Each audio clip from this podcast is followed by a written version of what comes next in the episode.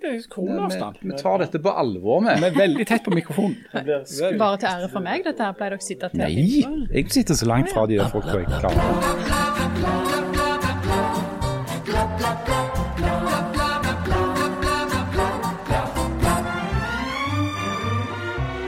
Vinden fra Høyre er kanskje i ferd med å snu, og SV har hatt en viss medvind i det siste. Og Når SV ikke vil bygge ut oljefelt og ikke lete etter ny olje, kunne det da vært en idé å kanskje fange noe av denne medvinden? Kanskje med noen vindmøller eller et eller annet?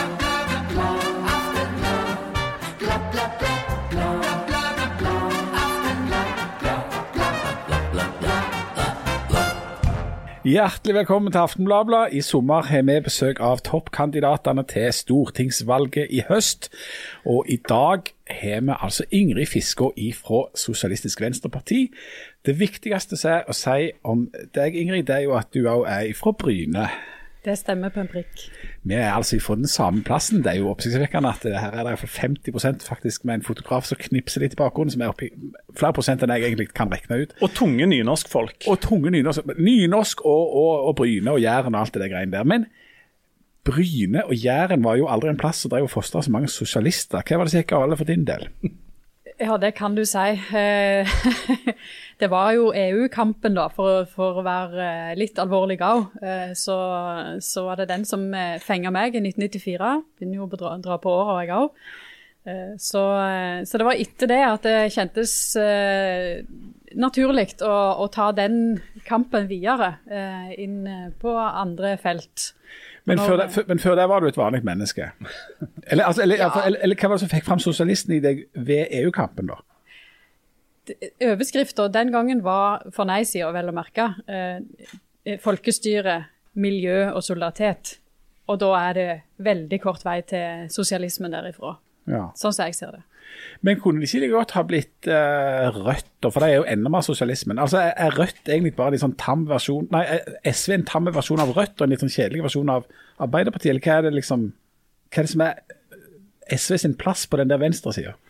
Ja, sånn som jeg har oppfatta det og, og, tenker at det er, så er det SV har vært en sånn eh, folkesosialistisk eh, gjeng. Eh, mer eh, hva skal jeg si, lokalt orienterte enn det, enn det i alle fall Rødt har vært tradisjonelt. De har vært kanskje sett mer ut av landet etter inspirasjon. Vi har vært mer eh, si, tett på Eh, primærnæringene, bl.a. Og, og siden du spør om sosialisme og Jæren, så er jo eh, altså Berge Furre det vil bli langt tilbake i tid, altså. Men eh, en god rogalending, han òg, er jo et typisk forbilde for meg. En folkesosialist. Berge Furre var jo da Stjernerøyane sin store sønn i norsk politikk, og, og representerte jo da òg dette her. Eh, denne kombinasjonen av kristendom og sosialisme som har preget, som det fortsatt er en del av i, i SV i dag? Ja, det er det. Og uh, selv om jeg ikke er kristen selv, uh, langt derifra, så, har jeg, jeg på en måte en, en god hug, skal vi si, for den tradisjonen i, i SV. det er en, en gjeng som som eh, kjenner litt ekstra kanskje på, på etikken i, i kristendommen, og, og, ser på eh, Jesus som en eh, god sosialist. og det, det kan jeg forstå. Ja, for Han som brakte inn Berge Furre, det er da altså kommentator Harald Virkevold. Eh, vi skulle Hallo. egentlig ha vært for spent med Janne Stigen Drangsholt, siden denne podkasten i perioder heter Janne og de, men hun er vel å drikke noe raki eller et eller annet? Ja, altså, Jeg har forstått det sånn at hun drikker en del nå. Ja, det, det altså, Når hun ikke gjør det, så er hun på sånn litteraturfestival. Hun, hun, er, hun har fri fordi at hun markerer den greske nasjonalhøytiden Sorba. Ja, og det, ja, er ikke noe, det er nå i dag. Ja, og Det er ikke noe en, eh, en kan snakke høyt om eller ta bilder av. Nei. Så hun får, vi, hun får bare klare oss uten. Du um, Ingrid, du har bodd uh, lenge på Østlandet òg. Ja. Men, men kom deg gjennom det på, på, på verdig vis. Ja, hvordan var det? Altså det der Østlandet, hvordan var det? Det var aldri meninga, jeg beklager, men det ble sånn. Ja, men Du tar selvkritikk på det, det er for så vidt det viktigste. Du, eh, og, du drev litt med sånn SV-ing der borte òg. Er, er, det noen forskjell på eh, SV i Oslo og, og SV på Bryne, eller på Jæren og i Rogaland?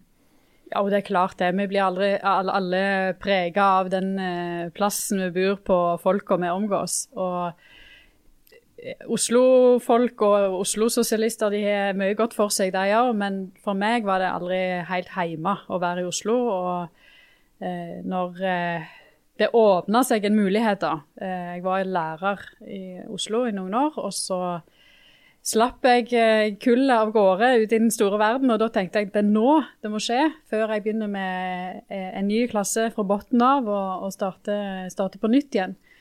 Så da, da, så jeg at da var, det, da var, det, en mulighet for meg å flytte hjem. Ja, Og nå skal du på dødelig tilbake igjen? Ja, som her. Hva er greia der? Du har jo akkurat kommet deg vekk fra Oslo. Du, skal, er det et nytt kull som har gått ut noen plass siden du nå Akkurat fått uteksaminert. Og jeg mener fritt ifra mitt eget minne å huske at du egentlig sa nei til å gjøre sånn karriere. Du kunne ha vært mer i Oslo om du hadde hatt lyst og gjort mer karriere, men hva er det som har gjort at du har skifta mening og vil tilbake igjen og vil jobbe fulltid i politikk? Ja, vil og vil. Eh, de måtte jo dra meg etter håret, på en måte. Men eh, jeg, eh, jeg, er nok eh, veldig opptatt av å gjøre min del av jobben og ha en sterk pliktfølelse og en del sånne ting. Og så er det jo det at det er så store ting som står på spill. Eh, det er dessverre, vil jeg si, et land som er kjørt i grøfta på mange måter. og da kjenner jeg på det ansvaret, da, at, eh, at jeg må vel bidra. Og når, når det ja, jeg, lå sånn an, så, så, sa jeg ja til det. Men å drive med politikk på heltid, det er ikke noe jeg eh, egentlig ønsker for min egen del. Det, du er den første, første kandidaten vi har hatt her som sier at dette går i hvert fall ikke det med noen slags form for glede eller lyst. Men det er veldig gjær. For, for, for, å ta fatt i noe som egentlig er en, en kjepphest som tilhører Jan. Ja, uh, men, men sånn at for å få variasjonens del, så skal jeg målbære noe som Jan pleier å si. Det er nemlig Du sier at et land som er kjørt litt i grøft og det, det går litt gale. På, på, alle tilgjengelige målinger som finnes, så er Norge det beste landet i verden å bo i, å være kvinne i, å være barn i. Hva er det som er så grusomt fælt med Norge? Det sier vel ganske mye om verden, det du sier nå. Mm. Ja. At det er verre andre plasser.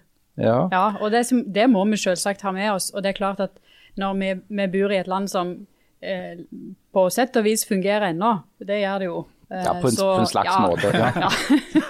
sånn halvveis. Så, så, mener jo jeg at det nettopp er takket være en seig kamp fra mange eh, folkelige organisasjoner, fagbevegelsen ikke minst, som har sørga for at vi har landsdekkende tariffavtaler for store deler av arbeidslivet ennå. Eh, at det er en viss grad av utjevning gjennom velferdsstaten. Men mye av dette her er jo i ferd med å bli revet fra hverandre bit for bit i dag. Kan du, kan du utdype litt, hvis du skal peke på hva du mener er mest akutt gale i Norge per i dag? Hva er det? Hva er det som må fikses først? Det må være for orden på arbeidslivet, tenker jeg. Uh, at vi i dag har uh, mer og mer av ufrivillig deltid, at det er eh, folk som, eh, som, ikke får fast jobb i flere og flere yrker. Jeg vil tro til og med dere kjenner til det, dere som jobber i media og sånn. Eh, men, men også i de yrkene som er dårligst lønna, særlig der, så er, det, så er det bemanningsbyrå, det er innleie, det er ei herjing med folk som, som, gjør at folk mister den grunnleggende tryggheten i, i tilværelsen om en har inntekt, om en har ja, verdighet egentlig i hverdagen. Det var det ene. Ja. Men, ja, det, du ba meg om å si én. ja. jeg sa ikke tre. Jeg sa, jeg tre, ja. Det. Nei, det er ingen som hører etter når jeg snakker. Det er det som er problemet. Etter for, mange problemer jeg har. For Når du skal ut nå i valgkamp, så handler det om å overbevise folk. og Da må du fortelle en historie som folk da kjenner seg igjen i. Tror du at det er mange som går til å tenke at Norge er kjørt i grøfta nå? Jf. alle disse statistikkene og hvordan ting allerede er er det gehør for det, at det er en sånn krise her? Det kommer nok litt an på hvem du snakker med. Eh, og jeg tror det er typisk for vår tid òg at de som driver mest med politikk, snakker mest med folk som har det ganske greit, tross alt, i livet sine sjøl. Eh, og mange andre har det mye mindre greit. Og så kan vi kalle det forskjellige ting alt ettersom. Men, eh, men at den tryggheten er i ferd med å forsvinne for ganske store grupper, det er jeg ganske sikker på at mange kjenner seg igjen i. Og vi ser det på andre områder òg. Eh, det ble sagt noe om vind her i stad. Ja, Vi skal komme tilbake ja. til det. Da kan vi komme tilbake igjen til det. Men, men ja, for hvem er det du ser for deg eh, som er velgerne du skal overbevise? Hvem er den typiske SV-velgeren som skal stemme på deg? Den typiske eh, personen er en som, eh, som eh, er opptatt av sterke fellesskap. Som ønsker et samfunn der vi eh, tar vare på hverandre, istedenfor at det er en kamp alle mot alle, der enhver skal sikre seg sjøl, og der det er et kappløp mot bånd i mange, mange tilfeller. Eh, og Det kan være folk både med, med lav inntekt eller uten inntekt, og det kan være folk som selv har eh, for så vidt grei inntekt og, og, eh, og den tryggheten som, som eh, hører med, men som, eh, men som, ser faresignaler. Og Det er jo mange av de som, er, som i dag er i ja, middelklassen eller eh, tidligere velberga yrker, da, som også ser, ser skrifter på veggen, vil jeg tro, og som ser hva vei det går, òg for de som tidligere har, har hatt det ganske greit. Harald, er det, er det de, de, som er Altså, som heter sofaradikale og, og, sånt. Jeg trodde de var en del av denne SV-potten. altså Folk som sitter i kanskje gode jobber, mye kulturell kapital og sånt. Um, er det, de, er, er det SV-folk nå? Det er noen av de. De har det vel alltid vært, tror jeg. Uh, som har stemt uh, kanskje til venstre for sin, sin kan du si, sosiokulturelle posisjon. Uh, det er jo noen av de, uh, særlig de som har liksom velfylte bokhyller og har uh, mange vekttall. og derfor definerer seg som en del av venstresiden uten at de nødvendigvis representerer arbeiderklassen, i alle fall. Det må man kunne si. men de er det et like stort innslag av i andre partier som i SV. Det, er vel mange, mange, mange offentlig sektor som stemmer på SV. Ja, det, det, er jo en av de klisjeene som går om SV, at det er kvinner i offentlig sektor. Kvinner i offentlig sektor. Det er meg, det. Ja, det er faktisk deg. Ja.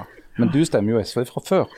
Ja, ja det stemmer. De har jo ikke mye å hente på å overbevise deg. Samtidig så har du jo så lite lyst til å bli fulltidspolitiker at jeg tviler faktisk litt på om du kommer til å stemme på deg sjøl. Ja, du kommer til å stemme på, på f.eks. Uh, Venstre av taktiske grunner for å unngå å bli valgt inn. Ja, ja det hadde jo vært det smarteste, hvis jeg skal unngå Men jeg hadde tenkt å komme og trekke an noen tall. Å, oh, herlighet. Ja, det Skyt meg. Men OK. Det er jo valg, sant. Leif Tore, dette må vi ta helt fra bånda av med Leif Tore. Jeg er fra Hommersåk, og det, sånn er det bare. I september så er det valg. Ja. og Det betyr at da kan alle, alle, som kan stemme, de kan gå og gjøre det. Og så etterpå så teller de opp hvor mange som har stemt på det partiet, hvor mange som har stemt på det partiet. Derfor så har ofte valg en del med tall å gjøre, Leif Tore. Derfor er vi nødt til å snakke litt ja. om tall av og til. Ja, bare ta noen tall. Er det greit? Ja, den er greit. Eh, stortingsvalget i 2017 så fikk SV 6% som egentlig sånn, historisk sett er et ganske sånn normalt resultat for, altså for SV etter år 2000. I 2005 for eksempel, var det 6,5, i 2009 var det 6,2. Men så er det to tall etter årtusenskiftet som skiller seg veldig ut. Det er 12,5% i 2001, så er det beste resultatet SV har hatt noen gang i et stortingsvalg så førte SV boms inn i regjeringsdeltakelse og i med finansministeren i årevis og i det hele tatt. Og så 2013. Etter å ha satt i regjering 4,1% som er oppsiktsvekkende dårlig. Nå omtrent så ligger SV på et sånt snitt av de nasjonale målingene på å vage rundt 8 som er betydelig bedre enn en de 6% som, som fikk sist.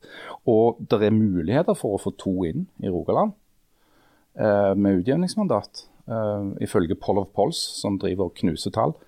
Eh, og I Rogaland så ligger typisk òg eh, SV litt dårligere an enn det nasjonale gjennomsnittet, med kanskje i underkant av 7 på snittet av noen målinger. Eh, hva må dere ha i Rogaland for at du skal være fornøyd? I høst. For at jeg skal være fornøyd? ja, da, må, da, må, du være null stemmer. 36,9 sånn vil jeg foreslå. ja, ja, noe sånt. Jeg må vel være så lavt at du slipper å, ja. å flytte til Oslo. Nei, men, men, deg vekk. Jeg tenker jo at nå er jo målet for valgt meg inn, da, tross alt. Jeg stiller jo til dette valget og, og går for det 100 Ja, ja da. Så øh, da trenger vi 4,9. I Rogaland. Ja. Så Det er det vi trenger. det, det, ja, det Jeg vil ikke si at jeg er fornøyd for det, òg, men, men det er det vi må ha. Ja. Ja, for, for Nå er det jo da altså sånn at eh, nå har vi jo hatt åtte år med borgerlig styre. Eh, og så Er det sånn, er det bare de da som har eventuelt kjørt Norge i grøfta på akkurat de åtte årene? For de åtte årene før det så satt jo da altså da eh, SV i regjering og styrte denne skuta på vei mot ja, gud vet hvor. eh, som Harald var inne på, den styringa av Norge, det med å ha makt, som da var en ny ting for SV, det førte til at dere raste på gallupen og ble kjempeupopulære. Så det frister altså å gjøre en gang til. Ja, vi har jo ikke sagt at vi nødvendigvis skal inn i regjering igjen. Vi skal ha et politisk retningsskifte, og det kan jo skje på flere måter. Eh, Men, eh, men at SV må til for å skape grunnlag for et sånt skifte, det er helt sikkert. Ja, men er ikke Lysbakken ganske klar på at en skal inn i regjering? og Drømmeregjeringa er da altså Senterpartiet, Arbeiderpartiet og SV, mens eh, Senterpartiet ikke på noen måte kan tenke seg å regjere med SV etter å ha regjert med SV tidligere. Um, og så er dere, og de er en helt annen politikk enn dere. De vil f.eks. ha kontantstøtte, de vil at eh, damene skal være mer hjemme i foreldrepermisjon, masse ting som krasjer totalt med SV. Hva er det som at dere likevel er forelska i Senterpartiet? er det bare fordi det er hard to get? Det er nok det. Ja, jeg, jeg, jeg, altså jeg er jo veldig glad i folk i distrikter og bønder og sånne ting. Og hvis de liker Senterpartiet, så liker jeg også Senterpartiet. Så enkelt er det vel. Ja, Men Senterpartiet liker jo ikke dere. Men det kan jo bare være noe de sier for å gjøre seg selv interessante. Ja, ja, du har jo prøvd det flere ganger. Ja, ja. Med Han er, han, vært- han har vært utrolig mange ganger gift, han eh, Birkevold. Hatt stor suksess alltid. Du, det, altså, det som er litt, det er litt underkommunisert dette, men Jan har jo et hovedfag i sammenlignende politikk. Å, herregud. Ja, men han har det. Må gir gi han kred for det lille han kan få. Jeg har aldri sett papir. Nei, det har ikke jeg heller. Men, men ifølge ryktene så har han det. Og, og da er det jo, da må du jo jamføre litt, ikke sant? Og da har du denne konstellasjonen av disse tre, kanskje til og med fire partier på den sida som kan i en eller annen form overta makt der. Og det er sånn som du var inne på, eh, Arbeiderpartiet blir med på et eller annet vis, og så er det disse andre. Eh, SV og Senterpartiet, hvor, eh, hvor, hvor gode venner kan de være i et sånt samarbeid? De har jo vært gode venner før. Ja, altså Realpolitikk kan tvinge folk til å bli veldig gode venner, litt på, på tvers av og på tross av både partiprogram og både det ene og det andre. For det at politikk er jo til slutt en slags form for hestehandel. Det er mange som framstiller det som at det er en dårlig ting, men det er jo en bra ting. Kompromiss er en bra ting. En må eh, file og justere litt. Det er ingen parti, bortsett fra f.eks. på Cuba og Kina, der det bare er ett parti som bestemmer alt. Um, så, så, så, og, og, og Senterpartiet er kjent som et voldsomt hestehandelparti, og, og SV har jo smakt på makta, har vært i makta. Det ble en del styr eh, og, og armer og bein internt der i løpet av de åtte åra, så de har erfaring med å, å, å kives litt der. og Du var vel statssekretær og har vært med på det eh, sjøl, Ingrid. Sånn at, eh, eh, men sånn er nå politikken. da, sånn at, at eh, For at en skal få et eh, stort nok og godt nok styringsgrunnlag, så er det vel en større sjanse for at det blir tre partier som vil måtte gå eh, og, og sette seg til. Altså Arbeiderpartiet, SV og Senterpartiet. Og så håper de nok å unngå Rødt eh, på vippen, og de håper nok å unngå MDG på midten. Vil jeg sagt. Er drømmeregjeringa de Består den av de tre partiene? Drømmeregjeringa mi den, eh, den gjennomfører et politisk eh, eh, skifte i dette landet. Og da må vi ha et sterkt SV for å få det til, som både et rødt parti med, med en eh, radikal fordelingspolitikk og et grønt parti som tar, tar vare på både klima og natur. Det er det som trengs. Det er min drømmeregjering, en regjering som får til sånn kursendring. Og så, og så er resten eh, forhandlinger og, eh, ja, og tall. Jeg skal våge meg på en analyse nå. Vær så god. SV sitter jo og ser på at Senterpartiet frir uhemma til Frp-velgere som er litt i flytsonen for tida. F.eks. med å posisjonere seg som klima, litt mer klimaskeptiske og sånn. Jeg tror, at, jeg tror at SV vet veldig godt at når stemmene blir talt opp, så vil Senterpartiet, sånn som Jan sier, eh, tenke på å begynne å kjøpe og selge hest igjen. Og, Det er jo ikke en øvelse som SV er helt fremmed for heller. Altså Det ble solgt og, og kjøpt en god del gamper i forbindelse med den forrige Sånne med regjeringsdeltakelsen. pukler på. Ja. og en annen kamel. ja. Så, så, så dette er jo, det ligger jo i sakens natur at når stemmene er talt opp, så er det den politiske matematikken som tar over på mange måter, er det ikke det? Ja, og det er matematikken, og så er det selvsagt forhandlingsstyrke, som kan komme av andre ting òg. Hva, mm. hva, slags uh, bevegelser en har i, i ryggen, uh, hva, hva, grad en kjører de sakene som mange folk bryr seg om. Så det er mye som påvirker forhandlingsstyrken, men mm. tallet er viktig alltid. Mm. Mm. mm. Og så er jo ulempen da sant, at når du da skal regjere med noen andre partier, og det ikke er verken Cuba eller Nord-Korea eller Kina, så vil også politikken da bære preg av det. Sånn at det er ikke sikkert at du får et så voldsomt retningsskifte som det du sitter og ønsker deg til slutt. Noe som vel er noe av forklaringen på at eh, SV tapte mange stemmer eh, ifra de gikk inn i regjering til de gikk ut i regjering. Altså, De som stemte på SV, som ville ha et veldig tydelig retningsskifte og en helt annen eh, kurs og en helt annen linje, de fikk jo ikke det. For de fikk noe altså Norske regjeringer, enten de kommer fra høyresida eller venstresida eller har utgangspunkt i, i sentrum, er egentlig ganske like. Det er noen justeringer på noen få milliarder, men det aller meste ligger egentlig fast. Du kommer inn der og så treffer du på embetsverket i Finansdepartementet, og så ja. får du beskjed om hva du ikke kan gjøre. Ja. Og så blir du gjør du ikke det. Nei vel, da. Ja, sant? Ja. Sånn, sånn, at hvis, hvis, hvis, du skal være sånn realistisk her, hva er, det du, hva er det som ville være forskjellen på en måte ett år etter at en eh, sånn en ny regjering hadde kommet på plass? Altså, Tror du i ramme alvor at, dere, at du liksom endrer totalt Norge fra å ha vingla ut i grøfta som FN og sånt ikke er enig i at vi befinner oss i, til en eller annen plass på en vei til en sånn, sånn himmelsti som ikke er kristen. Han er enormt kristen, han der Lindøy som sitter der borte. Nei, ja, det, det. Nei, men, ja, altså, jeg, Nei, det går jo mye altså, det, tar ikke ett år før eh, Norge ser helt annerledes ut. Men vi er òg nødt til å ta noen grep, mener jeg, rett etter valget, som gjør at vi setter inn på det sporet. Eh, og noen sånne ting kan jo være f.eks. å forby bemanningsbransjen. Eh, det kan en gjøre ganske kjapt etter et valg. Det kan være å endre arbeidsmiljøloven igjen eh, til mer sånn som det var før den nåværende regjeringa tok over. Og eh, f.eks. òg å prøve å stoppe det vedtaket som nå nettopp er gjort, om å tilslutte Norge EU sin jernbanepakke 4, som fører til eh, tvangsprivatisering av norsk jernbane. Noen sånne grep går det an å gjøre, og så vil vi jo se effekten av det i arbeidslivet og i folk sine hverdager, det vil komme Det vil ta litt lengre tid. Du skal jo primært drive valgkamp i Rogaland. Og, eh, og korriger meg hvis jeg tar feil, eh, men det er noen sider av SV sin vedtatte politikk som du kanskje ikke kommer til å eh, ha lengst framme når du er ute og skal sanke stemmer i Rogaland. Og Da tenker jeg f.eks. på eh, forholdet klima-oljepolitikk. Altså denne her diskusjonen som foregår i mange partier om en skal sette en slags absolutte sluttdato for oljeutvinning. Det er jo ikke akkurat en vinnersak i Rogaland, kan vi være enige om. Det. Og det er vi jo heller ikke for. Nei. Nei. Så var det òg et vedtak på eh, landsmøtet til eh, SV som gikk relativt langt, vil noen si, når det gjaldt dette med eh, selvbestemt abort. Er det en sak som du kan vinne særlig mye stemmer på i Rogaland, tror du? Det er nok ganske mange òg i Rogaland som tenker at det skal være kvinner sitt valg eh, så lenge det er mulig å ta abort.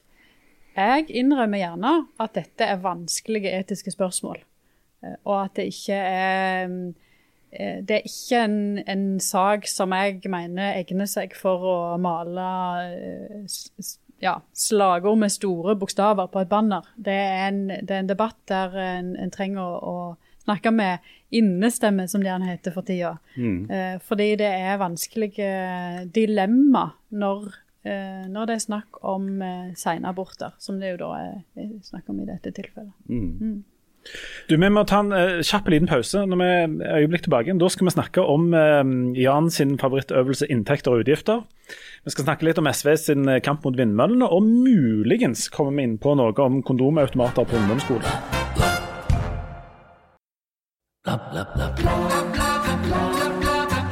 Hjertelig velkommen tilbake til Aftenbladet. Jeg hadde et lite lokkeord der.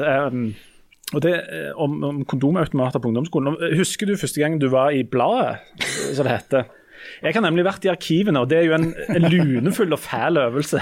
Nå holder du seg for øynene. Ja, og, og dette, vi, vi, vi, må ta det for det det er. og jeg skal, jeg skal gjøre tydelig hva årstall vi snakker om her. Men eh, Ingrid Fisker dukker opp i Aftenbladet sitt arkiv så vidt jeg kunne se første gangen i 1985.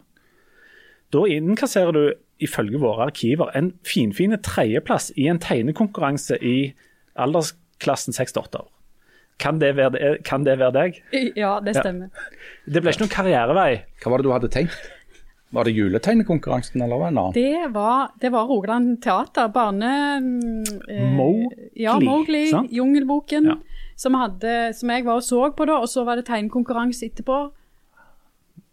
Og mormora mi hadde det bildet innramma i glass og ramme på, eh, på veggen. Jeg vet jammen ikke hvor det er blitt av nå. Det var, det var knallhard konkurranse, for det var mye gjeve folk på pallen. Hvis det er noen der ute som vet hvor det bildet av Mowgli som Ingrid Fiskå uh, lagde er henne nå, så, så ta gjerne kontakt. Så vil vi gjerne ha det. Og så, og så var det dette, så gikk det da ti år, da i 1995, og da fant jeg det første leserinnlegget som du hadde signert på. Uh, og det handla om prevensjon. Um, og der du um, sammen med ei annen i SU tar til orde for uh, å eh, plassere ut kondomautomater på videregående og ungdomsskoler for å subsidiere dette. Der står det bl.a. at mange syns det er så flaut å gå på bensinstasjoner eller supermarkeder og kjøpe kondomer. og Dette gjør at de heller dropper beskyttelsen. og Så tar dere hardt til orde for disse automatene. Husker du dette? Den saken der? Ja, når du minner meg på det, så gjør jeg faktisk det. Ja, Bare hyggelig. Ja, men det er en veldig god sak. Ja, ikke sant? Jeg står for det nå. Ja, og dere, dere sier at dette vil ikke nødvendigvis føre til mer sex, men eh, mer beskytta. Og så får dere svar, og det syns jeg var litt interessant, fra Magnus Monsen, som lurer på om denne fiska har tenkt på at òg lærere, vaktmestere og andre kan benytte seg av dette tilbudet, og om du er villig til å subsidiere de òg med prevensjon. For hvem som helst kan jo gå forbi automaten og, og, og ta ut dette. Er dette noe som du tar selvkritikk på, at du ikke tenkte på at òg lærere og vaktmestere Ja, men lærere og vaktmestere kan vel òg ha sex? Nei, ja, han, han mener ikke det. og Han, han har da òg gjort seg bry med å gå på en bensinstasjon og fått opplyst om at en pakke koster 30 kroner. Det vil si 6 kroner per kondom. Jeg har hatt en rekke lærere som jeg håper ikke har formert seg, så jeg ville vært for at det var kondomautomater. Men motinnlegget her sier at uh, ungdommen må jo kunne spleise på denne kostnaden. Og da har han regna ut at det vil koste de tre kroner hver gang. Hvis de bare går sammen og spleiser om disse pakkene. Ergo det trengs ikke subsidieres kondomautomater på ungdomsskole og videregående skole. Det var en høyremann, dette, da. Antageligvis en høyremann. Nydelig måte å tilnærme seg problematikken på, og regne ut eh, hva det vil koste. Jeg liker at han har, han har understreket at han har vært ens ærend på en bensinstasjon for å få vinne prisen på, på dette. Men Vi skal snakke litt om penger og, og inntekter og utgifter. Jan, du Ja, for når vi kom til dette med regning og inntekt og utgifter, så er jo SV kjent eh, som et parti som har voldsomt god råd. Altså, Det er, der er utrolig mange ting dere vil gjøre som koster mye penger. F.eks. nå skal dere innføre at tennene også skal være en del av kroppen. At det skal vel bli gratis å få gjort noe med. Det koster noen milliarder. Er tennene en del av kroppen? Nei, nei, nei ikke, ikke i budsjettsammenheng.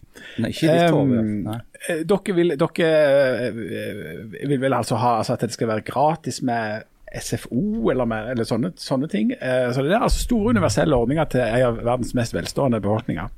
Dere er ikke kjent som en like god venn på en måte av privat sektor. Det første dere skulle gjøre var å gå til angrep på privat sektor. Avvikle bemanningsindustrien, lage til arbeidsmiljøloven sånn at du aldri kan bli kvitt noen. altså, altså, dere er ikke nødvendigvis så populære der. Og det store spørsmålet er jo alltid hvordan skal dere få finansiert alt dette med, med, med flotte og gode tiltak og ordninger som er grassat dyre, eh, når dere samtidig f.eks. skal avvikle eh, kapitalismen? Eh, og, og, og, og altså, Hvordan får dere næringsliv, eller, eller liksom, hvordan får dere inn penger til alt dette her? Norge er et rikt land fordi folk eh, jobber. Fordi folk har kompetanse, bruker den, er produktive i arbeidslivet. Det er derfor vi er et rikt land. Og det eh, klarer vi fint å få til under sosialismen òg. Framfor alt er vi vel et rikt land fordi at vi fant olje, sånn at vi har tjent oss grassat rike på markedet og i kapitalismen. Ja, Og så- og så skal men, dere- ja. men det skal òg sies at, eh, at vi er først og fremst et rikt land fordi at så mange deltar i arbeidslivet. Så det at damene deltar i arbeidslivet er mer verdt for, eh, for Norge enn olja, Mm. Tror Tro det eller ei. Så skal dere altså erstatte eh, det kapitalistiske systemet, både nasjonalt og globalt. Det skjer sikkert før jul, rett etter dere. Ja, vi har en sånn 100-dagersplan. Ja, 100-dagersplan. Av et demokratisk, bærekraftig og behovsstyrt økonomisk system. Det er sosialisme. Dette står der i programmet deres. Nå er det sånn at Alle land som har innført en sosialistisk økonomi, eh, har ikke gått så veldig bra med i gjennomføringen av det. Hva slags system er det dere skal innføre, økonomisk sett? Jeg tenker at uh, vi, vi tar det jo litt steg for steg, da. Så rett i januar, Ja. det. Ja. Hæ? I januar, kanskje. Ja, vi må vente et par måneder. Nei da. Uh, det handler om å omfordele innenfor, de, uh, innenfor det systemet vi har i dag. Det er jo det første. Og, og at vi har i dag eh, gått veldig langt vekk fra den graden av omfordeling som vi hadde en gang eh, ja, i For, for, ni år siden, for ni år siden dere styrte. Ja, eksempel. Ja. Nei da. Ja, men, men jo, men eh, det er jo òg en viktig forskjell på SV og Arbeiderpartiet. At vi lover jo ikke å videreføre dagens eh, skattepolitikk i de, de store trekk, men vil drive en tydelig omfordeling fra de rike til folk med lave og vanlige inntekter. Og mitt favorittspørsmål, hvem er de rike? Hvor- går den grensa? Jeg er, vel, Ja. helt spesifikt interessert i om Jan og Harald er rike. Hvor mye kjenner dere? Altfor, altfor, altfor mye på absolutt alle måter. Men si at, Han eh, sier sånn rundt 600 000 da. Med litt mer. Jeg tror vi er 100 000 til. ja, si at, si at Harald Ja, er tjener helt ufortjent 700 000 i året. Er Harald da rik, og skal han da betale mer skatt i, med SV sin politikk? Da Han vil betale mer skatt, ser jeg nå. Ja, så da sier jeg ja. Ja, han sitter og nikker og smiler og er så glad. Nei, eh, eh, nå gir han 500 kroner. Lommene er fulle i kontanter. Du er en gammel mann, Harald. til og med. Men du, de, men du de, de, de, som skal bidra, de som skal bidra mer, som er da rike på et eller annet vis Fyker pengene du slutter å hive penger på, på SV sin representant her, De, de som er rike i dette systemet, er, de begynner, altså på 600 000 oppover, da er du i den gruppa som må bidra mer. sant? Sånn omtrent der, men da er det ikke snakk om mange hundrelapper. Så de hundrelappene du sendte meg over bordet nå, jeg tipper det er nok eh, for å betale mer, mer i skatt for, eh, med din inntekt. Det er jo først og fremst snakk om de som tjener både en million og mer. Eh, og så er det jo ikke først, først og fremst arbeidsinntekter til folk som må skattlegges hardere, selv om det òg er en del av dette. Men det er store formuer. Eh, og eh, ja, Arveavgift. ja takk, det vil jeg veldig gjerne ha. Med et høyt båndfradrag, som gjør at eh, sånne som meg, som ikke arver noe særlig, ikke betaler arveavgift. Men de som, som, som arver store formuer, de må i, bør i Norge, som i de aller fleste andre land i verden, skatte av den, av den arven, sånn at ikke vi får et samfunn som som der arv går i, ja, I arv? Der, arv går i arv. Eh, formue går i arv, og der, og der posisjon Ja, ikke sant. Makt, makta som følger med store formuer, eh, det, det, det gjør jo at en begrenser andre folk sine muligheter i livet. Altså, men Den fremste formuesbygginga som foregår i Norge blant vanlige folk, er jo at de kjøper seg hus. og øh, altså Verdiøkningen som ligger i eiendom. Det å selge et hus, da sitter du, altså hvis det, hvis det er arven, så kommer det jo fort noen millioner. Er det noe som da bør skattes øh, av igjen? Altså hvis, hvis du får fem millioner, altså hvis du arver et hus som koster fem millioner, er det, er det formue, eller er det mye, eller er lite? eller hva det er? Fem millioner omtrent er vel der vi har sett for oss at, eh, at bunnfradraget er. Men da vil det jo ikke være 100% arveavgift på det som er over 5 millioner. Det er jo, der med, det er jo en låg eh, sats på det som du da arver over 5 millioner. Det er jo et, et eh, romslig bunnfradrag som gjør at eh, de aller fleste av oss ikke betaler noe særlig av den arven. Trygve Hegnar, som jo på mange måter er talsmann og åndelig overhode for de aller rikeste i Norge, har jo skrevet en leder om dette emnet. Han, jeg tror han syntes den var så god, den lederen, at han publiserte den både i Kapital og i Finansavisen. eh, hvor han erklærte at med det forslaget til arveavgift som SV da fremma, var det han var ute og kommenterte på, så betyr det at idiotene overtar. Altså, det betyr altså, Hvis jeg forstår Trygve Hegnar rett, så mener jeg at hvis du tar penger fra de aller rikeste og gir de til andre folk, så betyr det at det er idiotene som får de. Altså at De smarte er de superrike, og idiotene det er oss andre, da. Det er jo noe alle vet. At de med penger er mye smartere enn oss andre. Ja, Mange av de har jo bare tatt seg bryet med å bli født for å få alle de pengene. Og det krever jo en viss intelligens. Står opp om morgenen hver dag og arver. Ja, det Jeg vil anbefale alle som sliter litt økonomisk med arve. Det har vi Ja, sagt det har før. du snakket om før, Ja, og jeg som en fatter løsning. ikke at, eh, at folk som er litt i, i, i knipa det er ikke bare for penger. Men ok, vi skal, vi, vi, det skal inn uh, mer skatt ifra særlig de som er uh, superrike. Um, og uh, damer skal jobbe, vi skal ha, fortsette med det arbeidslivet vi har.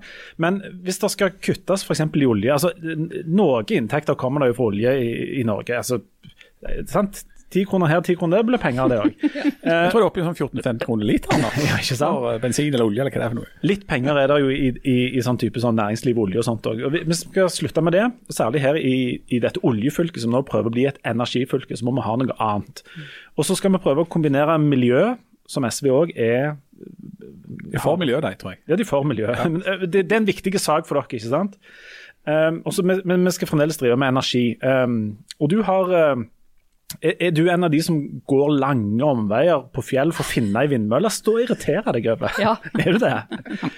Nei. Men hvis det dukker opp ei vindmølle midt oppi pokker i vold, så ser du ikke på den med veldig milde øyne, gjør du det? Jeg gjør ikke det, altså. Nei. Nei. Hva er det som Nå- er galt med vindmøller? Det er det at de blir plassert i naturen.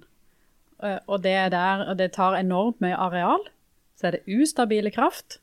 Og de blir stort sett eid av utenlandske oppkjøpsfond. Så eh, inntektene går ut av landet. Det er ikke noen arbeidsplasser å snakke om. Det er noen få når de setter opp de her turbinene. Men det er jo virkelig ikke noe vi kan leve av som samfunn. Men det tar vekk naturen. Eh, både artene, naturtypene som vi i det lange løp er avhengige av for å overleve. Eh, og det tar vekk en viktig del av eh, livskvaliteten til folk. For det er mange av oss som, eh, som eh, bruker naturen aktivt. Som, eh, som liker den stillheten og de opplevelsene som turen, naturen gir oss. Og den, den har dessverre blitt ødelagt mange Men- plasser. Dette er jo et eksempel på noe så sjeldent i SV-sammenheng, som en skikkelig sånn folkelig vinnersak. Altså I denne saken her har jo SV et solid flertall av den norske befolkningen i ryggen. Er ikke det litt rart? Jo, det er jo eh, en, eh, en, eh, en veldig sånn eh, lett forståelig sak, dette her. Eh, at folk irriterer seg over det, og er forbanna, mange òg. Når eh, vi får så lite igjen for å ødelegge naturen, så sier det seg egentlig sjøl at dette kan vi ikke holde på med. Men, men, men nå tar høyde for at jeg er fra Hommersåk her. Men Harald har en dieselbil han må komme seg til fjells med. Ja, han har et par Teslaer stående som han må lade opp batteriet med. En eller annen plass må jo all denne kraften og energien komme ifra.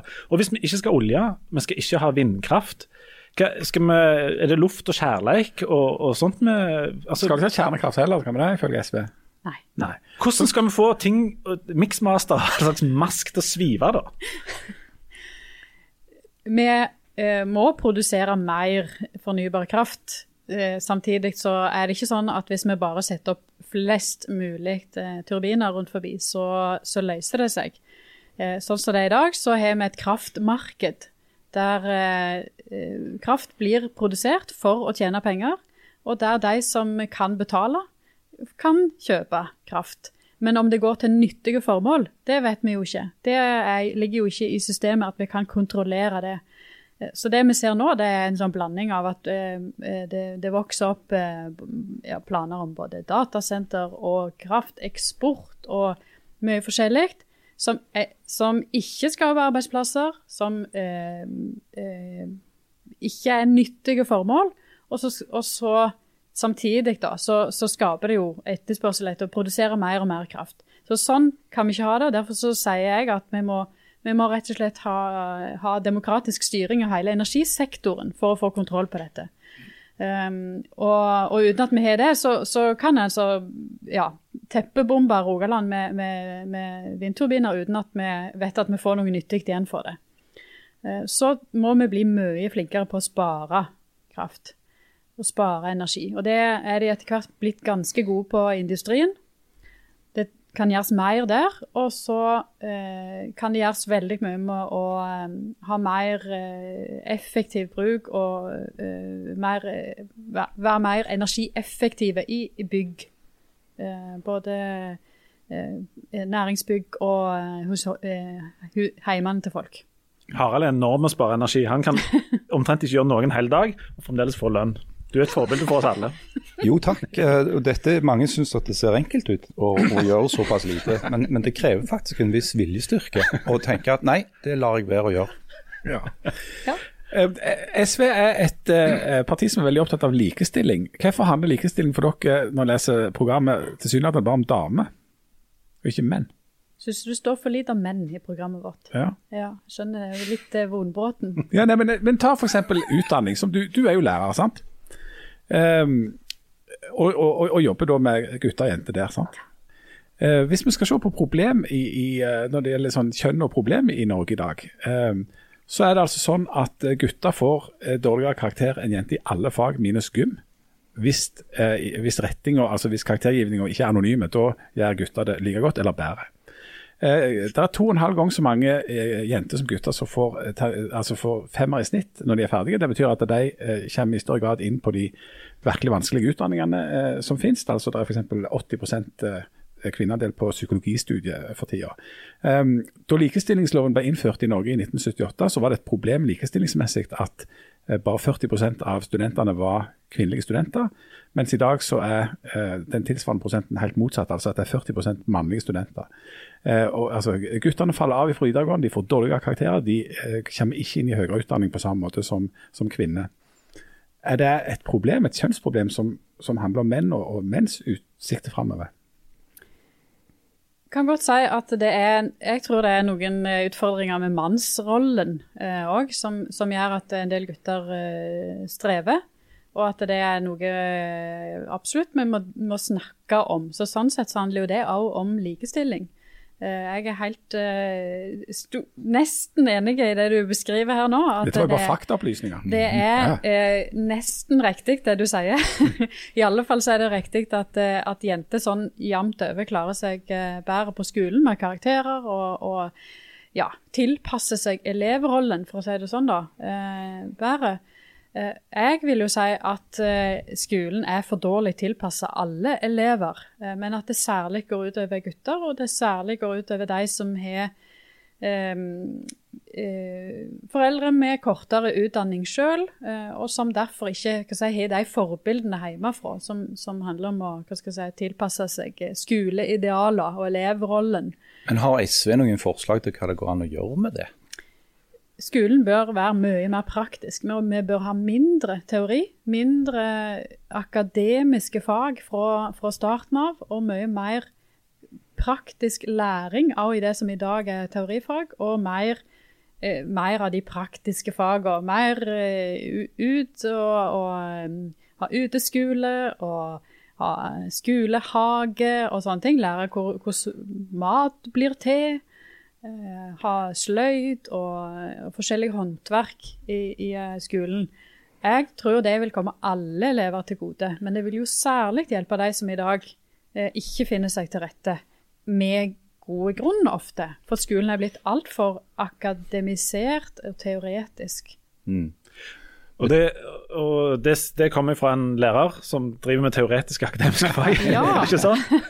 Lofthusopprøret fra 1770 det kunne vi snakket i timevis om, særlig du, Jan. 1786 til 1787 lofthusoppgave. Ja. Hovedfag i det. Men, det, men det, det, har vi altså, altså, ikke tid til. Du, vi, vi etter hvert begynner å runde av her. Men hvis du eh, skulle havne inn i noe regjeringsmirakel, så sitte med masse makt og greier der, mot din vilje selvfølgelig, har vi fått fastslått nå.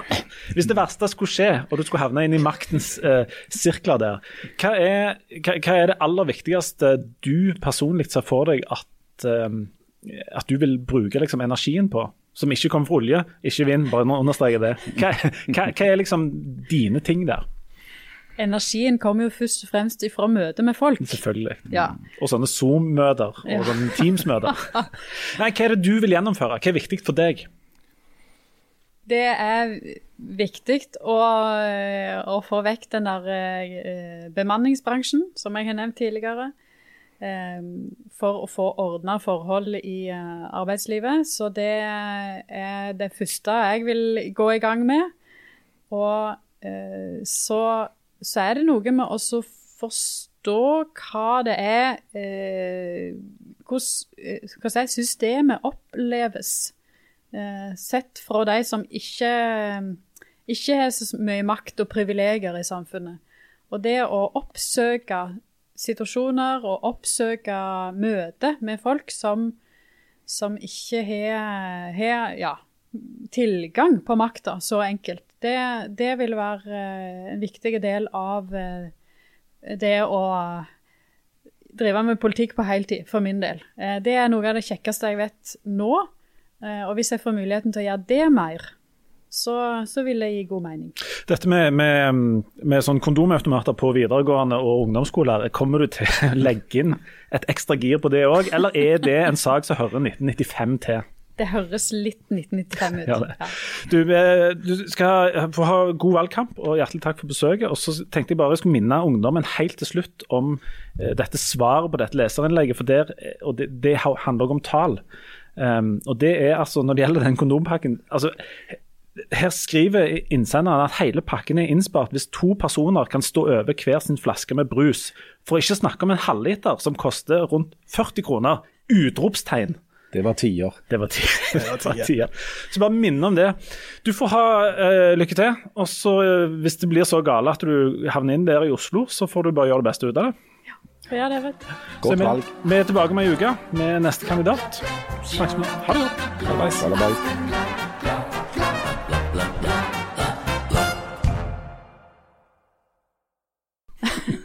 Hvor mye kjenner dere? Altfor, altfor, altfor mye på absolutt alle måter. Men si at